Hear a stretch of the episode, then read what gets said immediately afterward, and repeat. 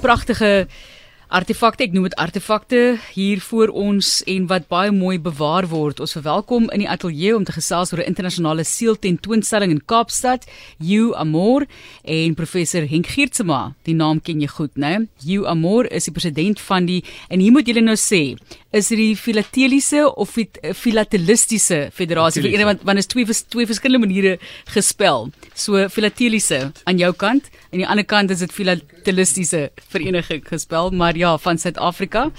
Hy was vir 29 jaar gestrakteer van die Universiteit van Kaapstad en professor Henk Geertsma ook hier as lid van die Stellenbosch Filatelistiese, dis hoe dit die gespel is vereniging. Ons raai woord gou uitklaar as ook van die Nederlandse en Belgiese tematiese verenigings. Onlangs as aspirant jurylid vir die beoordeling van 'n aantal internasionale tematiese uitstallings opgetree, veral vanweë sy kennis van die internasionale beoordelingsvereistes. Hy is ook 'n ou bekende natuurlik as entomoloog. By hoe verklaar jy dit? Hoeveel dinge is jy die meester van, professor? Dis al wat ek wil sê. Baie welkom aan beide van julle.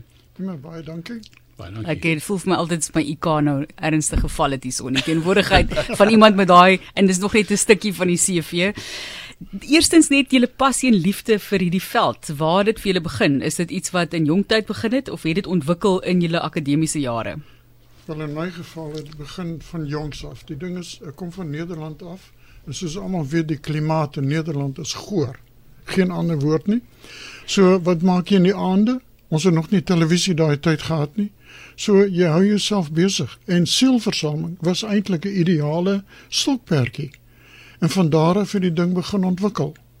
Nou, jy waar ook van kleins af ek is 'n tweeling en 'n jonger broer en ons in Pretoria groot geword en die drie van ons het van jare 10, 11 uh, versamel en nooit opgegee nie. En 'n waardevolle item wat jy dalk saam gedra het van daardie jong tye? Nee, die ding is van in die jong tye het ons almal wat ons noem skoolboekversamelings bymekaar gemaak. Maar as jy begin spesialiseer, dit is wanneer jy soos die Amerikaners sê die dollars begin rol. Die groot kanonne. Dis die groot kanonne word. Fantasties. Dankie vir wat julle saamgebring het ook. Hierdie hierdie versamelings is pragtig van wat julle gebring het. Dit gaan natuurlik nie net oor seels nie. Julle het hier byvoorbeeld die Springbok, 'n uh, seel van 1926 tot 54, die amptelike pos van die Kaap 1806 tot 1910 en dan ook universiteitswese wat jy op fokus. So dis weier is net seels. Ja, die ding is kyk byvoorbeeld hierso is byvoorbeeld 'n brief van 1816 uh, 84 en dit handel oor die onderwerp sy silk.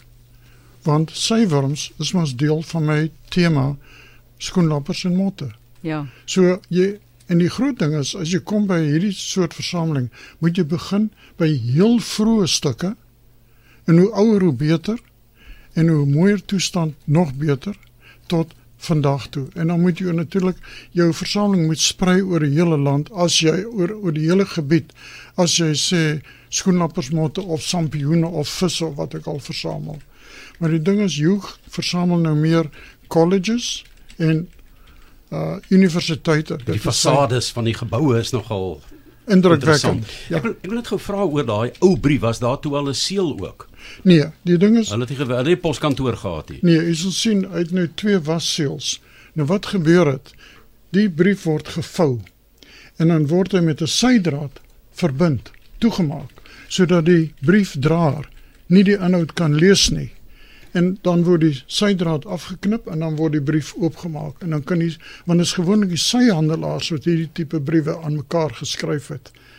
En dit is maak hierdie ding uniek eintlik. Ek sit hier met die Springbok versameling en op die Springbok versameling is daar 'n korreksie van 1925 aangebring na 1926. Nou, is dit belangrik dat die dat die seels gestempel is of is hulle meer werd as hulle nie 'n stempel het nie? Daai seël is interessant. Dis op die 1 Januarie 1926 gestempel. Dis die eerste dag van uitgifte van daai seël. So dit is belangrik. Dis die eerste dag wat dit uitgegee is. Goed. Nuwejaarsdag 1926 was die poskantore oop. Sjoe.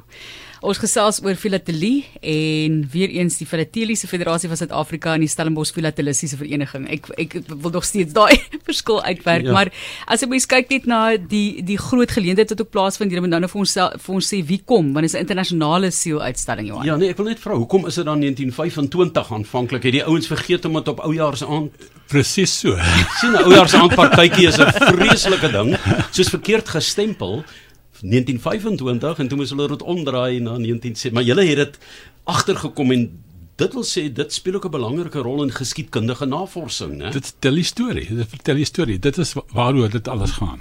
En die uitstalling wat ons aanstaande week dit gaan oor stories. En as veral die storie Road to Democracy waar Dr. Kampfer hierdie versameling saamgestel het van uh, begin met 'n brief aan van Riebeck en eindig 19 94 en daar's briewe van Mandela, van Sobukwe, van Gandhi, alles. Ja. Uh dit is 'n storie, die storie van die route demokrasie wat daar uitgebeeld is. En dit is in privaat besit van 'n versamelaar. Ja, dit is in privaat besit van 'n versamelaar. Dit is 'n fantastiese uitstalling. Ja. En dit gaan daar te sien wees. So, hoe lyk die versekerings vir hierdie stukke? Wat is 'n internasionale uitstalling? Dit word sekerlik dan ook van oorsee af hiernatoe gebring van hierdie items of hoe baie kom ja, van oorsee af? Dit werk eintlik so die uh, internasionale seelvereniging of die uh, filatelistiese assosiasie het kommissarisse. Nou, daar's nou 45 lande wat gaan deelneem, so daar's 45 kommissarisse en hulle ontvang dan die inskrywings van die deelnemers en hulle gaan dit deur om te kyk of dit voldoen aan die kwaliteit vereistes.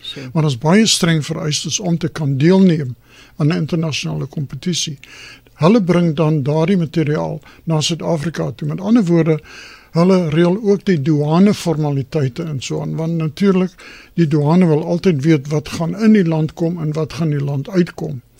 En dan saam kom daar 'n klomp internasionale jurylede ook wat dan gesoute filateliste is wat dan elke tipe versameling want kyk daar's tradisioneel tematies posstukke uh oorklas en so aan. Dis nou jy sê ek wou gevra het wat se kategorieë byvoorbeeld ook van die, ons het gedink dit is 'n uitstalling nie noodwendige kompetisie nie. So waar nee, kan mense deelneem? Dit is nie eintlik 'n kompetisie nie, dis 'n uitstalling en die ding is in die uitstalling kan jy verskillende grade kry. Jy kan groot goud kry of goud, silwer en so voorts.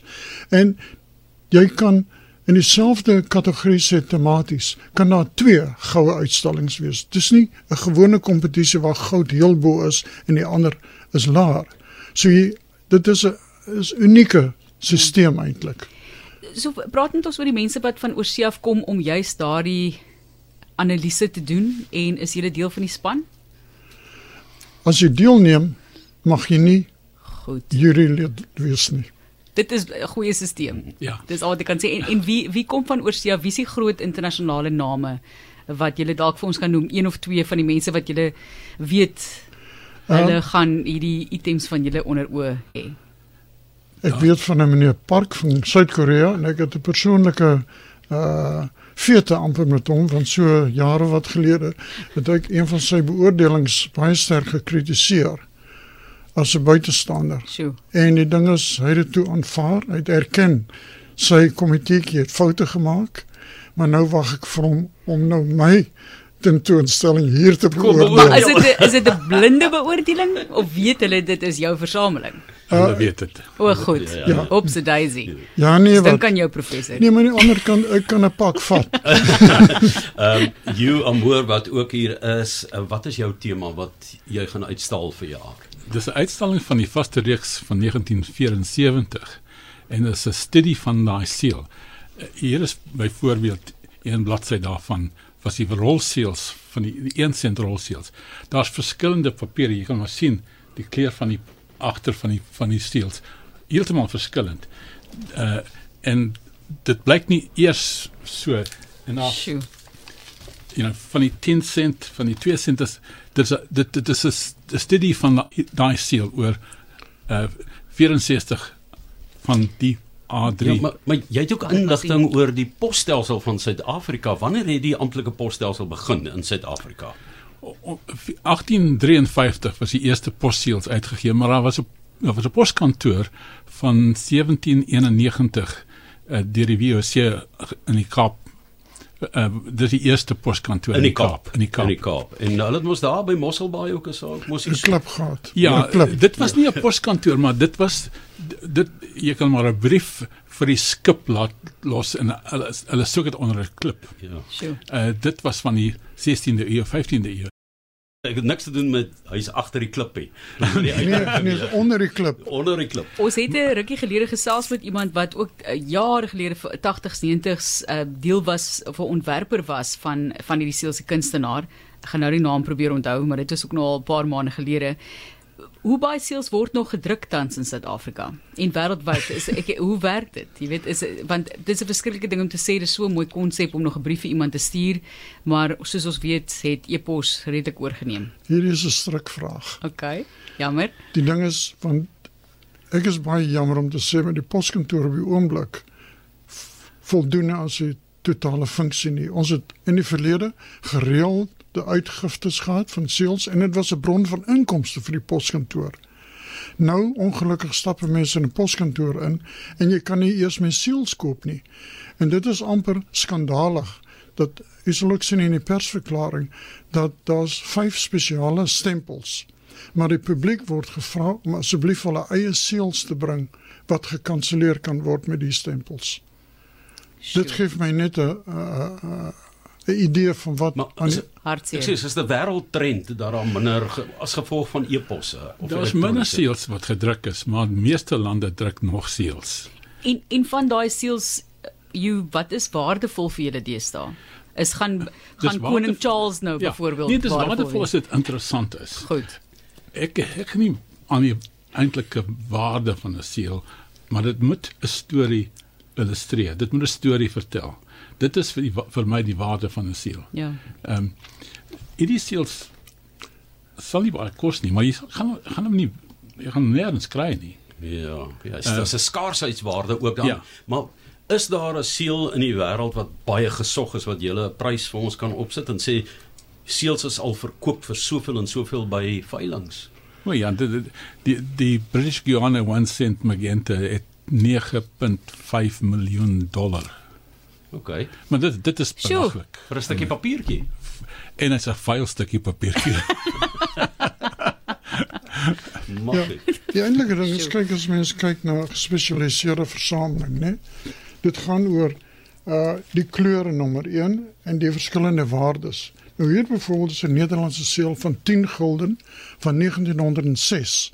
En nie nou net gevra wanneer is 'n seël meer werd as hy gestempel is of ongestempel. In hierdie geval is die gestempelde seël meer werd as die ongestempelde ene omdat 10 gulden in 1906 was 'n ontsaglike bedrag aan posgeld. So daar is omtrent 200 van hierdie seels bekend. Dit beteken net 200 versamelaars van Nederland kan hierdie ding as 'n volledige uh ding in sy versameling opneem. En jy? Is jy ingesluit in daai Hier is hy. 300? Versamel nee, nee, dis kom ek nou sê, jy waar is die jy ander self, 199? jy self een van hulle. Wel nee, kyk Nee, nie as 'n Nederlander nie, as 'n Suid-Afrikaner dan. Ja, nee, dit is baie interessant. Jy weet, ons is bekommerd oor die jeug. Die jeug sit nou met hulle selfone en so aan. Maar as mens praat met die handelaars sê in Amsterdam, dan sê hulle wat 'n baie interessante ontwikkeling is dat 'n besigheidsman, hy so in die laat 30, 40, hy het dit nou gemaak. Dan stap hy in daai seelhandelaar se winkel in en hy soek 'n versameling seels waarop hy kan verder bou. Met ander woorde, die man het dan die finansiële uh Kapasiteit. maniere Ja. om hierdie ding te kan bekostig en dit gee jou 'n voldoening. Ek het byvoorbeeld 'n versameling van koningin Wilhelmina wat volledig is. Nederlands volledig in my geval tot 2003. Dit gee jou 'n satisfaksie wat niks anders vir jou kan gee nie. En die ding is elke seël soos jy ook sal weet vertel 'n storie. Nou hy het byvoorbeeld baie interessante seels van is dit Oxford of Cambridge? ja. Van die universiteit maar koningin Elisabeth sal 'n reuse versameling hê want sy het so lank geleef. Jy weet, so as jy haar leeftyd moet neem, maar gaan jy 'n taamlike stelletjie seels kan hê, né? Ja, die probleem in Engeland is elke vel seels wat gedruk word, word een vel aan die uh, koningshuis geskenk. Ja, ja. So dit is maklik om 'n groot versameling op te, Op te bou. Professor, terwyl jy gou vinnig vir ons die uithaal wat jy nou verwys het, wie kan die uitstalling bywoon, die tentoonstelling? Enige persoon. En, En, So dis oop vir enigiemand. Vertel vir ons wanneer waar? En dis gratis. Gratis. Kan jy dit glo nog iets wat gratis Nie is? by is dit by. Cooks by die nie by Nee, hier by die City uitstalsentrum die Kaapse Ja, by Kirks. Ja, Ja. ja. Ja. En die seels het dan nou verwys het is. jy? Vertel vir ons Ja. laastens. in die jare 1870 tot 1888 het van die colleges van Oxford en Cambridge hul eie seels uitgereik. En hier is van uh, St John's College, uh, van Exeter, van Balliol, van. All Souls, uh, van Queen's Cambridge, van Hartford, Oxford, van Selwyn, St John's. Ek soek so muurpapier. Jammer, heeltemal van die punt af. Die waarde daarvan? Ja, dit dit dit, het nou 'n waarde. Ek het ek het ek het gelukkig in die jare 80 hierdie seels verkoop toe daar nie baie ehm um, vraag daarvoor was. Ehm um, ek sal dit nou nie kan koop nie. Ja. Ja. En hoe groot was 'n uh, uh, seels as dit ons ken mos 'n seel as 'n seel grootte. Nou daar was driehoekies en so meer. Het 'n mens groot seels gekry ook? Ja, die groot seels noem ek muurpapier. Dis wat Bartolie soek. Juis. Want dit- dit is eintlik dit word gewoonlik uitgegee deur hierdie olielande. Hierso uh Sharia uh al hierdie olielandjies verdien nie genoeg met hulle olie nie en sand nie. So maak hulle seels. Nou ongelukkig is daar 'n sogenaamde wêreldposvereniging en baie van hulle seels word nie erken nie. So dit mag nie op briewe gebruik word nie. So en hulle word uh da- daar's baie ehm daar's finansiële druk ook op hierdie ontwikkelende lande. Daar's 'n Amerikaanse maatskappy wat Afrikaanse lande en Suid-Amerika vra of hulle nie nog 'n reeks seels wil uitgee nie. Nou ons die seels moet deur die vereniging van posunies goedgekeur word. Maar meeste van hulle gaan word nie by hulle uh, ingehandig nie. So dit is net ek noem dit muurpapier. Ja, hier's nou. 'n SMS wat deurkom, sê die posdiens is nou so stadig. Die tweede brief van Paulus aan die Korintiërs word nou eers afgelewer. Ja. Die resultate is beskikbaar op 9 November vir die eerste rotasie soos ek verstaan, die tweede rotasie die 12de November. As jy meer wil leer, kan jy gaan kyk na Cape Town 2022.org. Dis 'n webblad, Cape Town 2022.org